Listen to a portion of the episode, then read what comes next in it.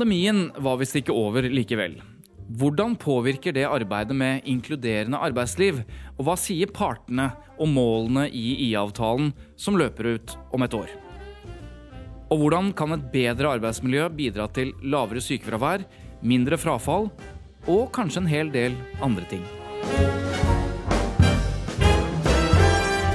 Velkommen til Arbeidsmiljørådet, en podkast i regi av Statens arbeidsmiljøinstitutt, eller STAMI som vi kaller det. Jeg heter Svein Tore Bergestuen og er programleder for denne podkasten, som kanskje ikke så overraskende tar for seg ulike problemstillinger knyttet til arbeidsmiljø. Og i dag skal det handle om IA-avtalen, ett år før eh, denne perioden er over. Altså dette skjebnefellesskapet om et inkluderende arbeidsliv som partene står sammen i. Men hvor står vi i dag, etter pandemien? står det her i notatene mine, eh, som ble skrevet eh, for en stund siden, så jeg retter det med en gang til midt i pandemien, eller fortsatt i pandemien. Som det heter i filmen Just when I thought I was out, they pulled me back in. Men bare for å friske opp. Målene i IA-avtalen for 2019 til 2022 er altså at sykefraværsprosenten skal ned 10% sammenlignet med 2018, og frafallet fra arbeidslivet skal reduseres. Og når vi snakker om et frafall fra arbeidslivet, så snakker vi også om personer som er i yrkesaktiv alder, som ikke kommer tilbake i arbeid, enten fordi de blir langtidssykemeldte langtidssykmeldte og dermed over i uførhet, eller går av med en slags tidlig pensjon. Og så er det viktig å huske på da partenes egne viktige definisjon av hva arbeidsmiljø er, nemlig at arbeidsmiljø det handler om arbeidet. Hvordan arbeidet planlegges, organiseres og gjennomføres. Og da vi, vet vi hva vi skal snakke om. Vi har med oss partene i arbeidslivet. Velkommen, Nina Melsom, direktør for arbeidsliv og forhandlinger i NHO. Tusen takk. Og til Julie Løderup, førstesekretær i LO. Tusen takk. Og ikke minst Pål Molander, direktør i Stami. God dag. Nettopp. Og sykefravær og frafall det påvirker selvsagt både hver enkelt arbeidstaker, hver enkelt virksomhet, og ikke minst samfunnet. Så det er jo liksom perspektivet vi må ha med oss eh, i dag. Og så lurer jeg på, dere signerte denne IA-avtalen med disse målene, og da var det helt umulig å se for seg hva slags situasjon vi skulle stå i i, i dag. Hvilke, hvis vi begynner der, innledende refleksjoner gjør dere nå med sykefravær, IA-avtale og frafall i lys av den pandemien vi står midt oppi? Kan begynne med deg, Julie. Ja, nei, det er, ikke, det er aldri lett å måle IA-avtalens effekt på sykefravær, men det er jo særlig vanskelig nå som vi har hatt en eh, pandemi. Og det f.eks. i barnehager, helsevesenet har vært skyhøyt sykefravær, mm. eh, som jo har lite med IA-avtalen og mye med pandemien å gjøre. Eh, men det betyr jo ikke at det arbeidet som har vært gjort i avtalen nå, ikke har vært viktig, eller ikke har hatt effekt, eller at vi ikke kan lære av det. Det er gjort masse bra arbeid i ulike bransjer. Eh, og det er jo eh, kanskje en av de mest spennende tingene med den IA-avtalen vi er i nå. At man jobber mer bransjespesifikt, for man vet at folk trenger kanskje andre ting i transportbransjen for å være mer på jobb enn det man trenger i barnehager, eh, eller enn det man trenger på et sykehjem. Mm. Så det tenker jeg er veldig spennende å se på evalueringer, forskning på nå. Hva har man fått til, hva kan man lære videre? Pandemi eller ikke pandemi?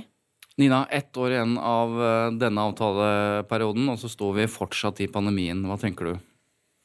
Jeg tenker, Dette så vi jo ikke for oss, som du sa. Eh, og ett perspektiv er jo at mange sitter på hjemmekontor. De som sitter på hjemmekontor, der har nok sykefraværet gått ned. Men så har det jo mange som ikke kan sitte på hjemmekontor.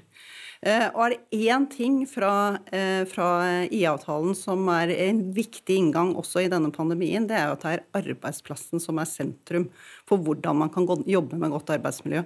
Og det har også vært og er viktig midt i denne pandemien. At vi har fokus på det som skjer på arbeidsplassen. Og der er jeg veldig enig med Julie den bransjevise tilnærmingen som vi valgte da vi reforhandlet eh, IA-avtalen slutten av 2018, høsten 2018, den tror jeg er et viktig bidrag også inn i pandemien. Mm. Pål, midt i pandemien fortsatt, etter ja, nå snart to år, eh, og sett i lys av den IA-perioden vi er inne i, hva, hvilke refleksjoner gjør du deg? Jeg, jeg, tror vi, I utgangspunktet så er det jo en vanskelig jobb å ha sykefravær som et effektmål, fordi det er så mange årsaker til sykefravær. Det påvirkes av konjunkturer og alt. da. Eh, så, men allikevel så er det et riktig mål. Men, men det er ambisiøst, og, og, og, det er vanskelig å vite hva som er hva. Og så er det blitt mye vanskeligere under pandemien, selvfølgelig, pga. ikke bare at noen har fått det tøffere, av de som har stått midt i det operative arbeidet, men også terskelen for å være hjemme i forhold til karanteneregler og sånne ting har jo påvirket dette her i enkelte yrker. Mm. Uh, jeg tror vi bør starte med å, å si at en tredel av det sykefraværet vi har i Norge som varer over 14 dager, da oppgir i hvert fall de som er sykemeldt selv, at arbeid er en vesentlig årsak til det. Mm. Uh, og da vet vi at da er vi nede på en andel av sykefraværet som det går an å gjøre noe med på arbeidsplassen. Det er det som er lettest tilgjengelig. Uh, og, og, det er jo det som er bra med IA-avtalen. Og, og, hvis vi konsentrerer oss om de tingene, det som du sa innledningsvis, det som har med arbeid å gjøre, og det som både LO og NHO nå sier at, at, at, er vesentlig å, å kunne jobbe med i IA-kontekst på arbeidsplassen, for dette er jo ikke ting som skjer av vond vilje, eller at, at, alt er så håpløst. Det er det at vi ikke får det til helt. Den siste biten vi trenger for å bli enda bedre på arbeidsmiljø. Mm. Og i Norge så er det vanskeligere enn i mange andre land, fordi vi er allerede ganske bra oppe på den skalaen. Vi er jo verdensledende på arbeidsmiljø. Det vil si at de lavthengende fruktene er henta ned allerede. Så hvis vi skal gjøre mer, og det trenger vi framover, så må vi være enda mer kunnskapsbasert. Nettopp. Og da må vi jobbe godt med dette her. Og da er IA-avtalen fantastisk. Ja, fordi dette ligger jo uh, i bånn av IA-avtalen at det skal være uh, tiltak basert på kunnskap. Altså STAMI er uh, også det nasjonale kunnskapsorganet innenfor arbeidsmiljø. Men hva slags type kunnskap er det arbeidslivet trenger for å treffe med de virkemidlene de skal sette i gang med, når du snakker om kunnskapsbasert? Hva betyr det egentlig? Ja, det, er jo sånn, som Nina sier, at IA-avtalen setter arbeidsplassen i sentrum.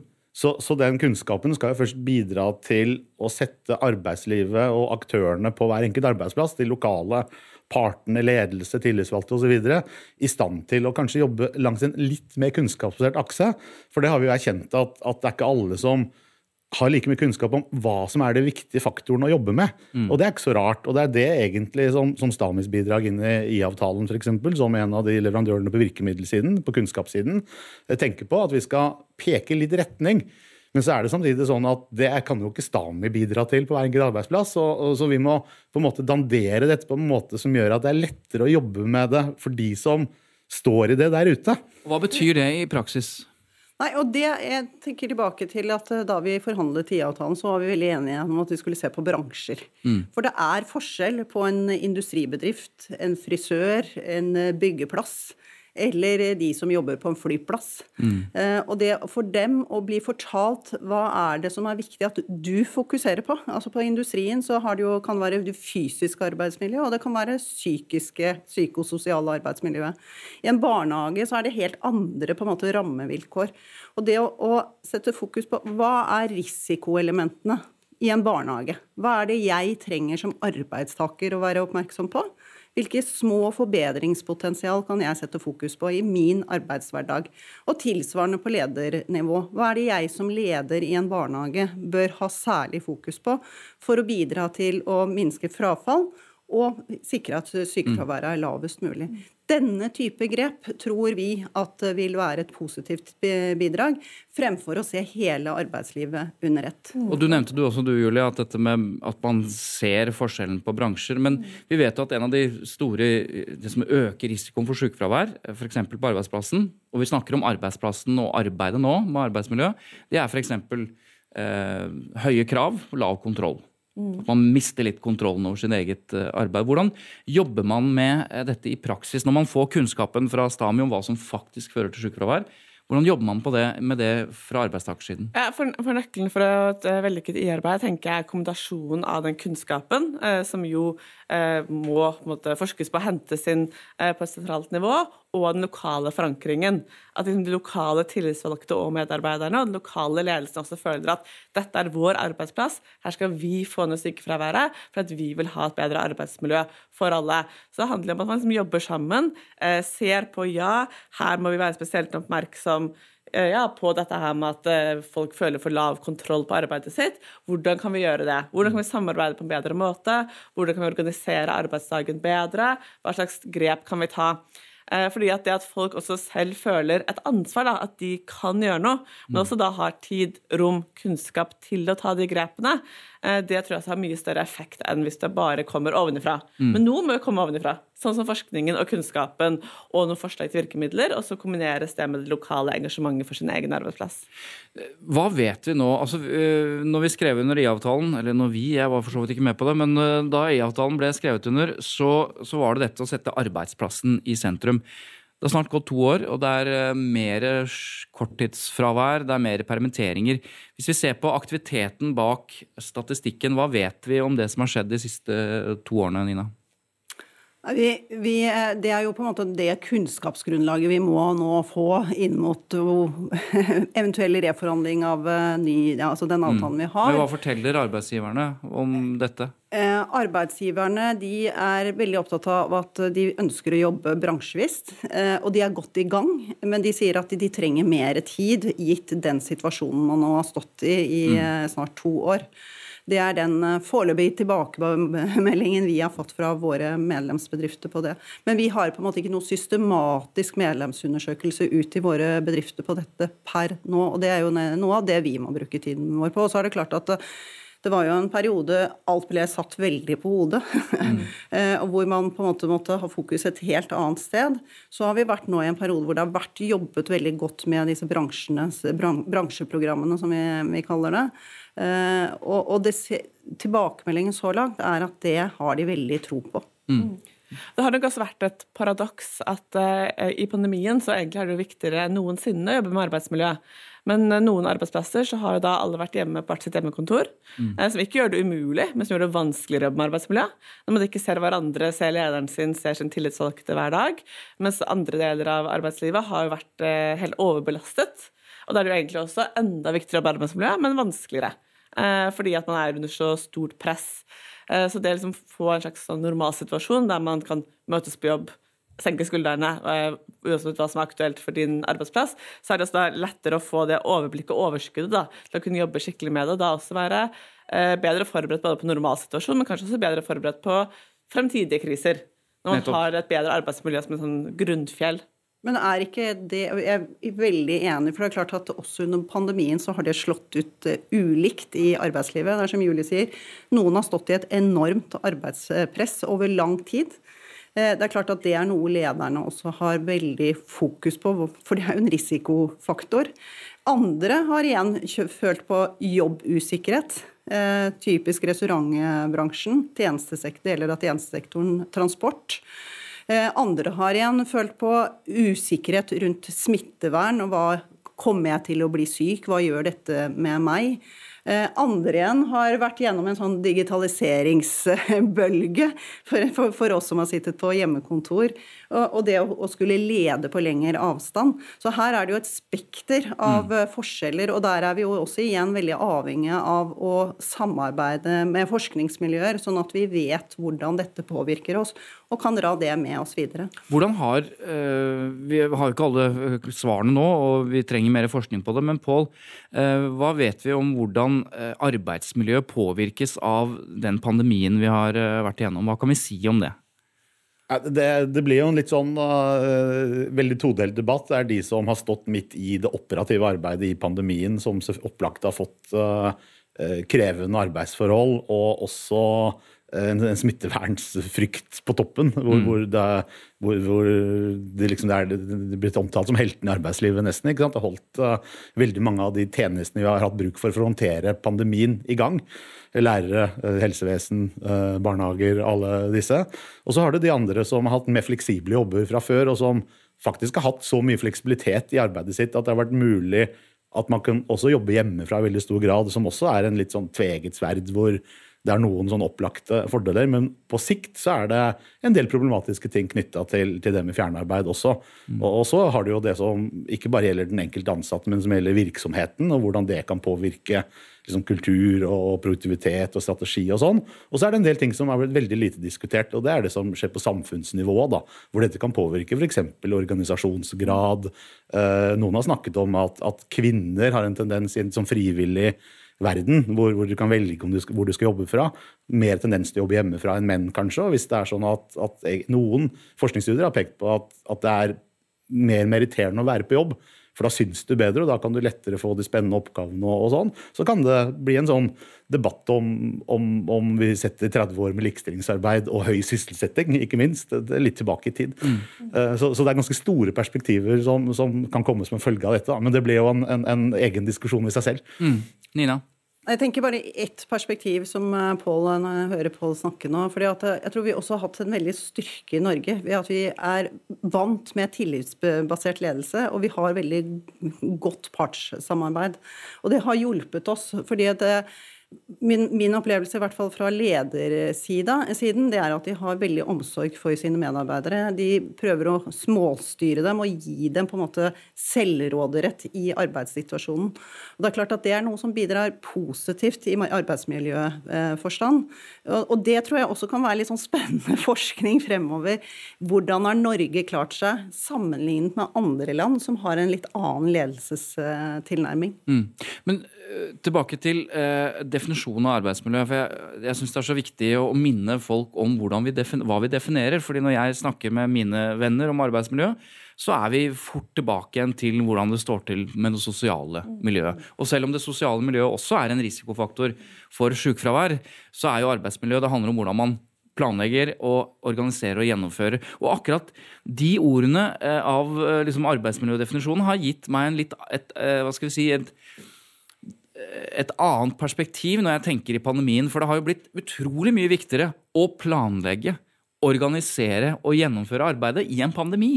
Altså Det får på en måte en annen betydning av, av liksom hvor viktig det er å planlegge, nettopp fordi vi er fra hverandre og alt mulig sånn. Hvordan, vil du si noe om det, Julie? Hvordan, fra et arbeidstakerperspektiv, da, hvor viktig denne planleggingen og, og, i og for seg forutsigbarheten har vært i, i, denne pandemien? Ja, Det har jo kanskje vært eh, altså, planlegging som har gått i vasken, og manglende ja. forutsigbarhet, som har mm. preget hverdagen til en del, i hvert fall med eh, den type jobber. fordi man aldri har vært sikker på ja, men kan vi arrangere noe i februar. Ikke sant? Det tror jeg mange lurer på nå, f.eks. Eh, kan eh, denne konferansen jeg lager, bli noe av? Kan disse elevsamtalene jeg skal gjennomføre, skje i virkeligheten, eller må det skje på Teams, der kvaliteten nok ofte blir dårligere? Så jeg tror at uforutsigbarhet da, har eh, preget veldig manges arbeidshverdag. Mm. Og så er jeg helt enig med Nina i at dette med tillitsbasert ledelse er utrolig viktig. Og det har nok fungert bra for mange på hjemmekontor, men jeg tror også mange på hjemmekontor har endt opp med å føle seg veldig alene, da. Mm. Eh, fordi at eh, de sitter nå der, kan selvfølgelig ringe en kollega, kan selvfølgelig ringe en leder, eh, men det er ikke det samme som å bare snakke sammen når man går forbi gangen. Terskelen er nok for veldig mange høyere. Eh, så man blir jobbende ja, ganske, mye, ganske mye alene. Og det trives jo noen kjempegodt med. Det er jo mange som elsker hjemmekontor. Og slippe å se kollegaer og gjøre ting i sitt eget tempo og i sin egen sofa. Uh, mens andre nok syns at det er ganske tungt, da. Mm. Uh, så jeg tror jo at uh, hjemme... Altså, jeg tror kanskje som Pål antydet, i hvert fall, at sånn en evig frivillig hjemmekontor der alle bare fri flyt, folk kan gjøre som du vil, hjemme hvis du vil, på jobben hvis du vil, ikke er noen sånn gunstig situasjon for arbeidsmiljøet på sikt. Uh, for da blir det jo en del arbeidstakere som blir liksom utenfor arbeidsmiljøet på arbeidsplassen. Mm dette begrepet forebyggende er helt sentralt i arbeidet med arbeidsmiljø. At skal, vi skal jobbe kunnskapsbasert, men også jobbe forebyggende. Pål, hva betyr, jeg, altså jeg forstår jo hva ordet betyr, men hva betyr det i praksis at man må jobbe mye mer forebyggende med arbeidsmiljø? Nei, det, det, det er jo så enkelt som at man må arbeide med å egentlig jobbe på en måte som sikrer at, at uheldige ting ikke inntreffer. Da. Mm. Uh, og, så det handler egentlig om å være litt sånn føre var uten å dra det begrepet altfor langt. Og, og, og, det handler egentlig om å lage godt arbeid, og da oppnår du jo det som uh, IA-avtalen egentlig ute etter. og Det er derfor det er så fint at det er partene selv som inngår den avtalen med myndighetene. Der, der, har man jo en fin bro mellom, for det handler om å skape godt arbeid. Da får du på den ene siden godt arbeidsmiljø, god helse, god medarbeidertilfredshet, alt disse tingene her. Men så er det også en, en viktig forutsetning for produktivt arbeid og effektivitet, resultater og det å skape verdier. Så Sånn sett så viser forskning veldig tydelig at de, alle de elementene peker i samme retning, og da er det en veldig fin Eh, fordel vi har her i Norge, som, som begge har vært inne på, og på så langt også, at, at, at, ved å jobbe sammen om det, så skaper vi et veldig sånn konkurransekraftig arbeidsliv i en stadig mer globalisert verden. Mm. Så det er litt viktig, spesielt for privat sektor eh, og for offentlig sektor, og for så vidt. Men, men det å, å, å, å, ha det som en konkurransefordel, det tror jeg er kjempeviktig i Norge. Nina? Når du spør om forebyggende, så et veldig konkret eksempel er jo bygg- og anleggssektoren, hvis du tar det. Eh, så vet man jo noe om hva er det som på en måte er risikofaktorer i den sektoren. Eh, og man vet jo bl.a. muskel og skjelett. Eh, man vet også at hvis du begynner å løfte skuldrene eller armene veldig høyt, så er det en risikofaktor som kan pådra deg noen sykdommer.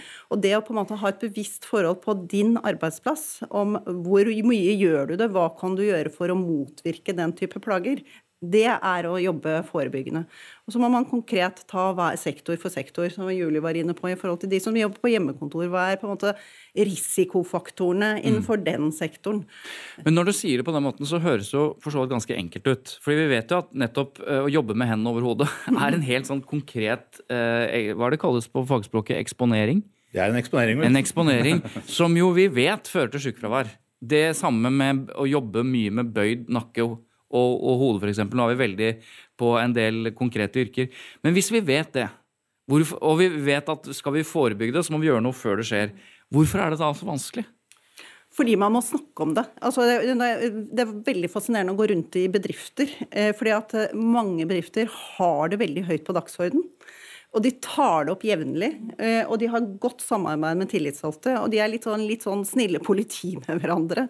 Vet du hva, Nå ser jeg at du jobber Nå løfter du litt gærent her. Mm. Har du tenkt på at det kanskje ikke gir deg en skade i dag, men det kan gi deg en skade om eh, ett år? Så det er litt den derre bevissthetskulturen. Og så er det et, en annen ting også, det er avviksrapportering, som man er veldig god på innenfor oljesektoren. Det bidrar også til å øke bevisstheten vår. Mm. Så det er egentlig å få det litt på radaren, og der kan vi også snakke litt etterpå. fordi tjenestesektoren har noen andre utfordringer enn de som jobber fysisk. Mm.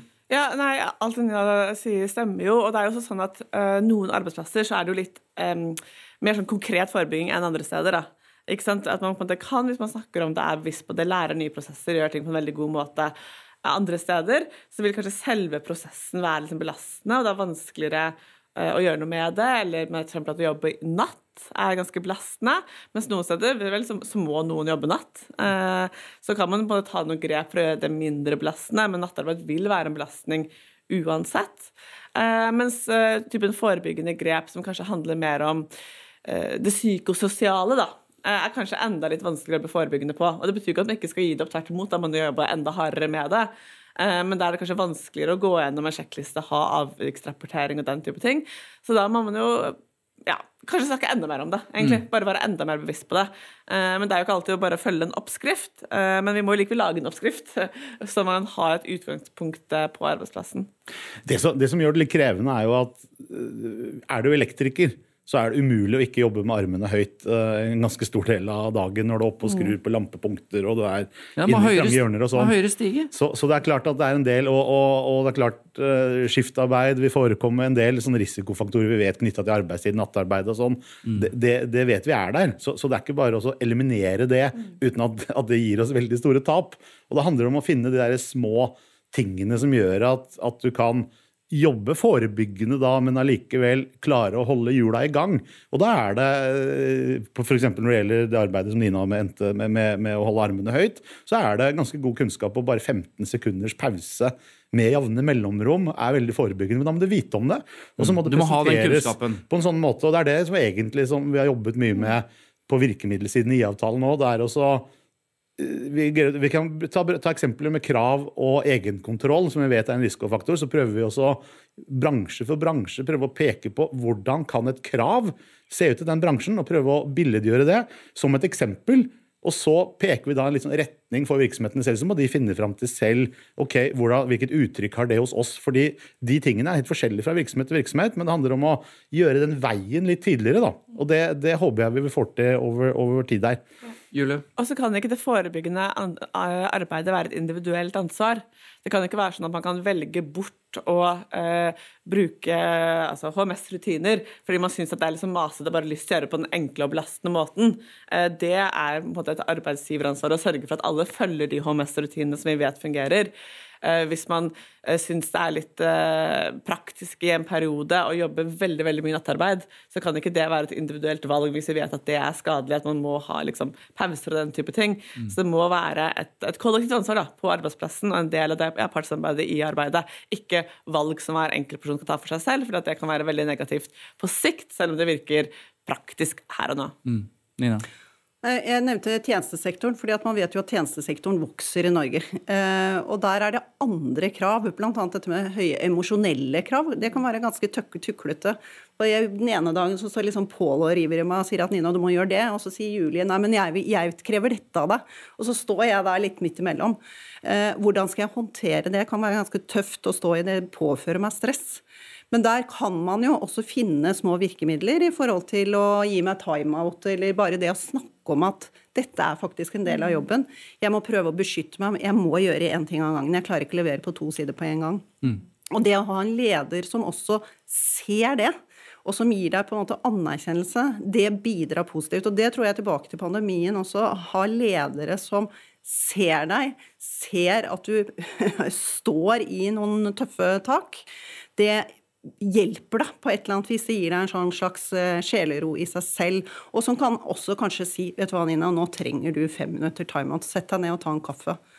Før vi ser på de uh, liksom mer positive uh, sidene ved bedret arbeidsmiljø, som ikke bare handler om uh, mindre sykefravær og mindre frafall, men også at det kan bidra til økt produktivitet, kanskje til og med og dermed attraktivitet for arbeidsgivere. Da. Så jeg har lyst til å bare liksom når vi går igjennom to år av denne avtaleperioden, har gått øh, føyken, holdt jeg på å si, eller i hvert fall gått inn i pandemien, har vi, eller hva, hva er det vi ha, kan ha av kunnskap som kan uh, si, øh, legge til rette for en ny avtale? Altså, hvis det ikke hadde hatt pandemien, så kunne vi sagt at nei, vi har ikke nådd de målene.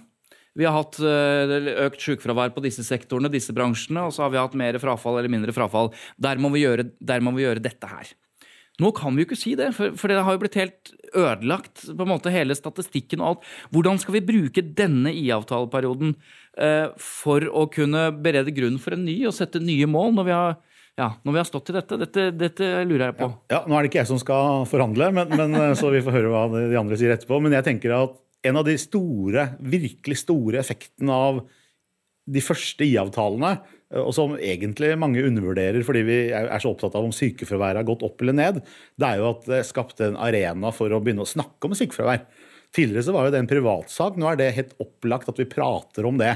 Det er en positiv ting. Da kan vi også sette fokus på en del sånn kunnskapsbaserte ting. Og den siste avtalen nå, hvor arbeidsmiljøets betydning har blitt løftet mye mer, det har også medført at vi for nå her står og snakker om arbeidsmiljø på en helt annen måte enn før. Så over tid så vil også det bidra til at, at det å, å, prate om arbeidsmiljø i en kontekst hvor det både er positivt for arbeidstaker og helse og samfunn og sykefravær og sånne ting, men også for produktivitet, mm. eh, konkurransekraft og de tingene der, det vil gi en veldig sånn styrke over tid. Og det, der merker vi en veldig endring. Øh, nå blir jo det litt sånn anekdotisk, men vi merker jo at det er mye større pågang etter kunnskap fra Stami gjennom denne perioden her enn, enn, det har vært tidligere. Mm. Nettopp fordi at dette er en samtale som i mye større grad går lokalt.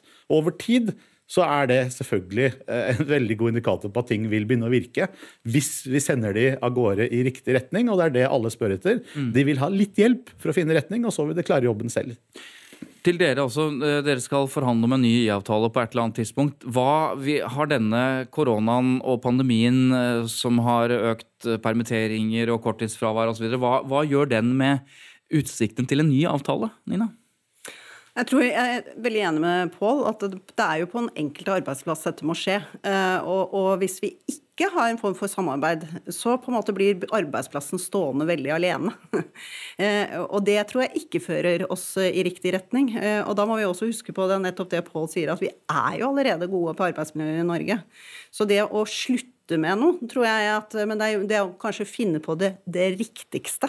Mm. Eh, og der må vi jo hele tiden ha forskermiljøet med oss. Eh, jeg tror nok pandemien har jo vist eh, alle arbeidsplasser at det å jobbe med arbeidsmiljø, gitt de utfordringene vi nå står i, er veldig viktig, også i forhold til produktivitet. Så, så vår innstilling er at vi må bruke liksom 2022 til å hente inn kunnskap for å se hvordan skal vi jobbe med dette best fremover. Ja, fordi Julie, Det er jo to måter å se det på. Nei, det har, dette har ikke fungert, og, det, og, vi vet ikke helt hvorfor pandemien har hatt noe å si. Eh, så en ny avtale har ikke så mye for seg. Eller man kan si at nettopp som Nina sier, viktigheten av å snakke og ha de både lokalt, men også sentralt partene snakker mye mer om arbeidsmiljø det har, har, vi sett har mye for seg. Hvor, hva tror du denne pandemien vil ha å si for en eventuell ny IA-avtale? Altså, det er ikke noe grunnlag for å si at dette ikke har fungert. Eh, ikke det har vært disse ulike bransjeprogrammene der man har satt i gang tiltak ulike steder. Eh, det holdes opp på å se på nå på effektene. Eh, og eh, ja, så Det er vi jo spente på, først og fremst, men jeg tenker at det er helt sikkert mye som har fungert. Mm. Og som vi kan lære av. Og noe som ikke har fungert, kan vi jo også lære av. Eh, så jeg tenker jo at, at LO er selvfølgelig interessert i å ha en IA-avtale, pandemi eller ikke pandemi.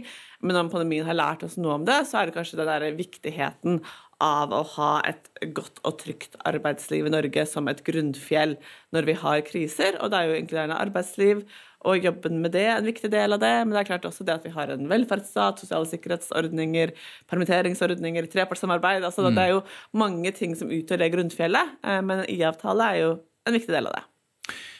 Ok, Vi snakket, vi har touchet på det, uh, hva økt og bedre arbeidsmiljø og forebyggende arbeidsmiljø, arbeidsmiljø kan gjøre med uh, produktiviteten.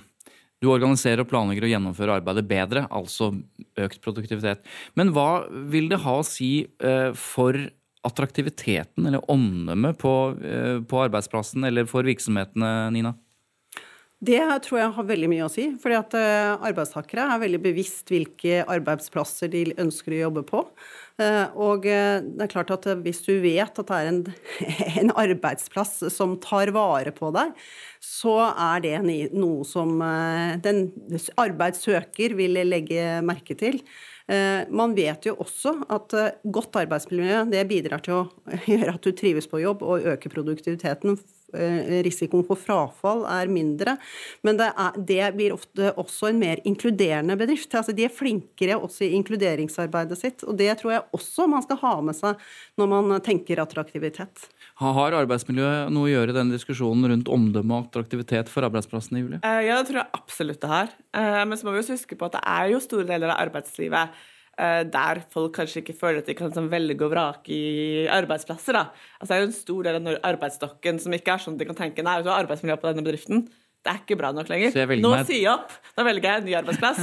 Eh, de fleste arbeidstakere har jo på en måte den jobben de har, og setter pris på den og, eh, og kan ikke bare velge og vrake. Så det er veldig viktig at det arbeidsmiljøarbeidet først og fremst er for å skape økt produktivitet holde folk i arbeidslivet, sørge for at folk har god helse over tid. Eh, at det er på en måte det grunnleggende, da, om man jobber på ulik, uansett hvilken del av arbeidslivet eh, man jobber i. Og omdømmet er nok viktigere på noen deler enn andre. Mm. Pål, du har vært veldig opptatt av å fokusere på at arbeid, bedret arbeidsmiljø faktisk har mer å si enn bare å ta vare på de ansatte. Det har veldig mye å si for, for virksomheten også. Og i dette perspektivet, hva, hvilke refleksjoner gjør du deg på det? Jeg tenker at, at, at uh, Nå har vi vært flinke til å snakke om, om, om, lenge, egentlig, og i lang tid, også før IA-avtalen, arbeidsmiljøets betydning for den enkelte personen i forhold til helse. Der har vi vært verdensledende. Og så har vi de senere årene prata mer og mer om at så bra det er for virksomheten også. Og så tror jeg at den siste debatten som går på omdømme, den kan også løftes veldig tydelig til samfunnsnivå. Og, og ikke minst det med inkludering. Uh, hvor vi vet at det å inkludere mennesker Alle virksomheter er ute etter å få tak i de klokeste hodene, er det ikke det vi pleier å si? Men, men det er ikke nødvendigvis de som uh, er fullt ut funksjonelle fra, fra dag én.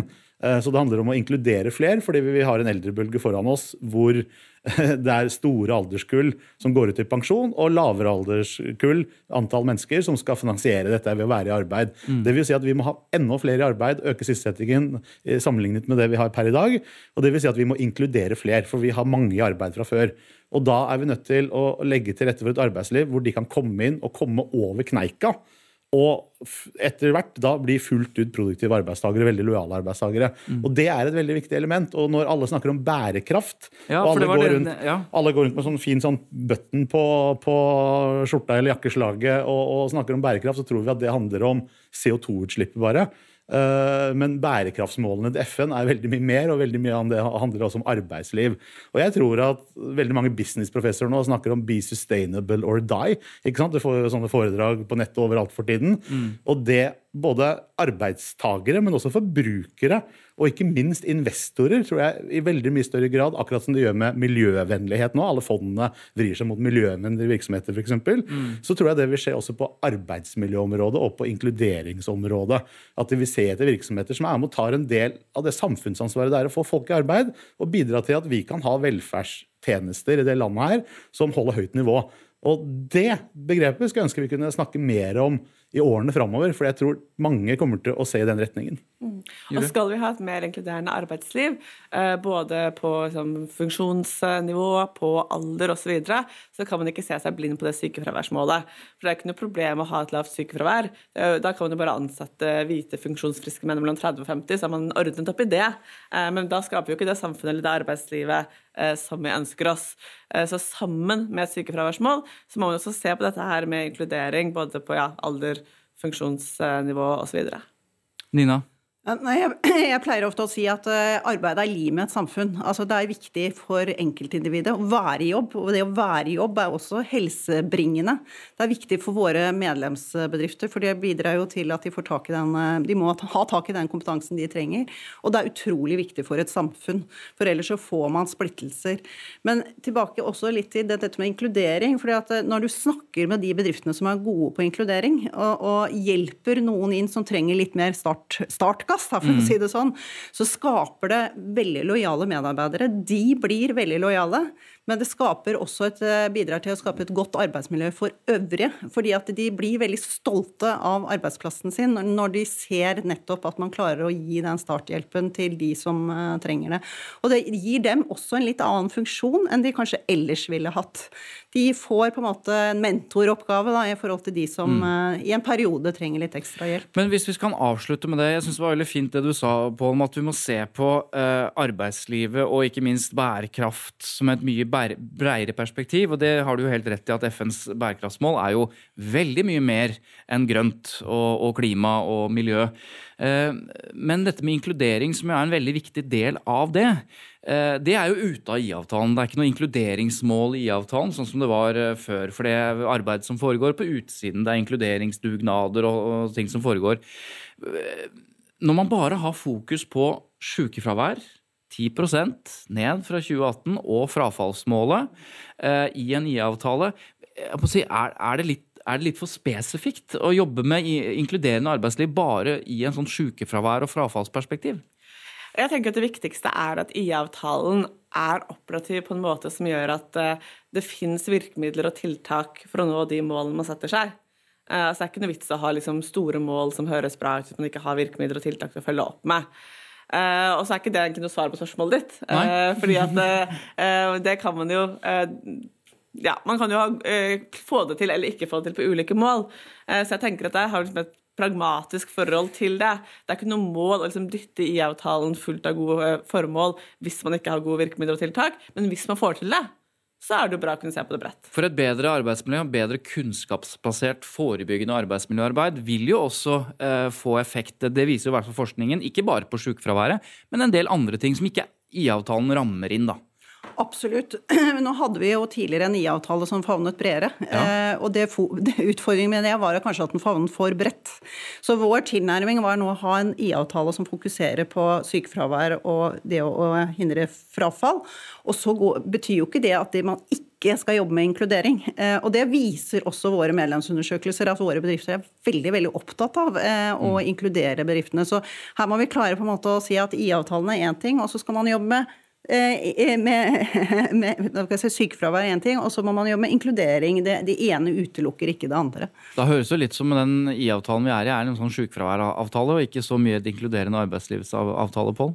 Eh, det, det, vet jeg faktisk ikke. Nå, nå, blir, nå, går vi inn i et spennende år uh, ja. på mange måter. Men, men, også partene skal jo etter hvert finne ut av å forhandle eventuelt om, om, om, en forlengelse av avtalen. Ja, for Det er ikke gitt er at det blir en ny avtale, men jeg hører jo her når både, NO, når både NHO og LO er her og snakker om arbeidsmiljø og inkluderende arbeidsliv, så er jeg optimist med tanke på en ny avtale. Må, det, det, er ikke noe som tyder på at vi går rett i grøfta og forhandler oss vekk. Det, det, får være opp til de å svare på. Men jeg tenker at, at, at eh, det poenget til Nina om at de virksomhetene som er flinke med inkludering, og der har jeg lyst til å slå et slag for eh, i hvert fall deler av privat sektor, som kanskje er de aller flinkeste. Det har litt med hva slags kompetanse på mennesker de trenger å få inn også. Varehandelen har jo kanskje vært de aller beste på dette her og har oppnådd veldig gode resultater.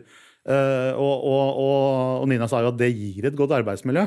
Men, men, det er på en måte en sånn sirkel som går rundt. Så for å klare å inkludere, så er du nødt til å ha et knallgodt arbeidsmiljø. Du må få de inn i veldig trygge rammer. Eh, så det henger litt sammen, tenker jeg. Og, og, og da er jo det betydelige fokuset på arbeidsmiljø i dagens IA-avtale et virkemiddel som også legger til rette for mye mer inkludering. Og jeg syns at vi har snakket mye om inkludering i IA-kontekst uh, denne perioden her også, selv, om det ikke, ikke er et ja. mål. Så, så, så, ting henger sammen her, og så blir det opp til de som skal forhandle, hvordan de vil, mm. vil spisse avtalen. Da. Jeg tror det er viktig at det er dynamikk i hver avtale som gjør at du at du får inn noe energi, at du ikke bare prolongerer uh, uten at det er noe, no, noen virkemidler du strekker deg etter. Det mm. tror jeg er viktig. Nina? Jeg har bare lyst til å føye til at nå, nå har vi vært gjennom en periode hvor man har snakket mye om lønnsstøtte. Og det med lønnsstøtte handler også litt om dette med arbeidsmiljø og tilhørighet til Eller absolutt om tilhørighet til arbeid. Fordi at eh, det er jo hotell- og restaurant, tjenestenæringen. Og det de har sett, det er jo at eh, sine arbeidstakere har gått ut og inn av jobb, holdt har blitt permittert over flere ganger nå. Det bekymrer bedriftslederne.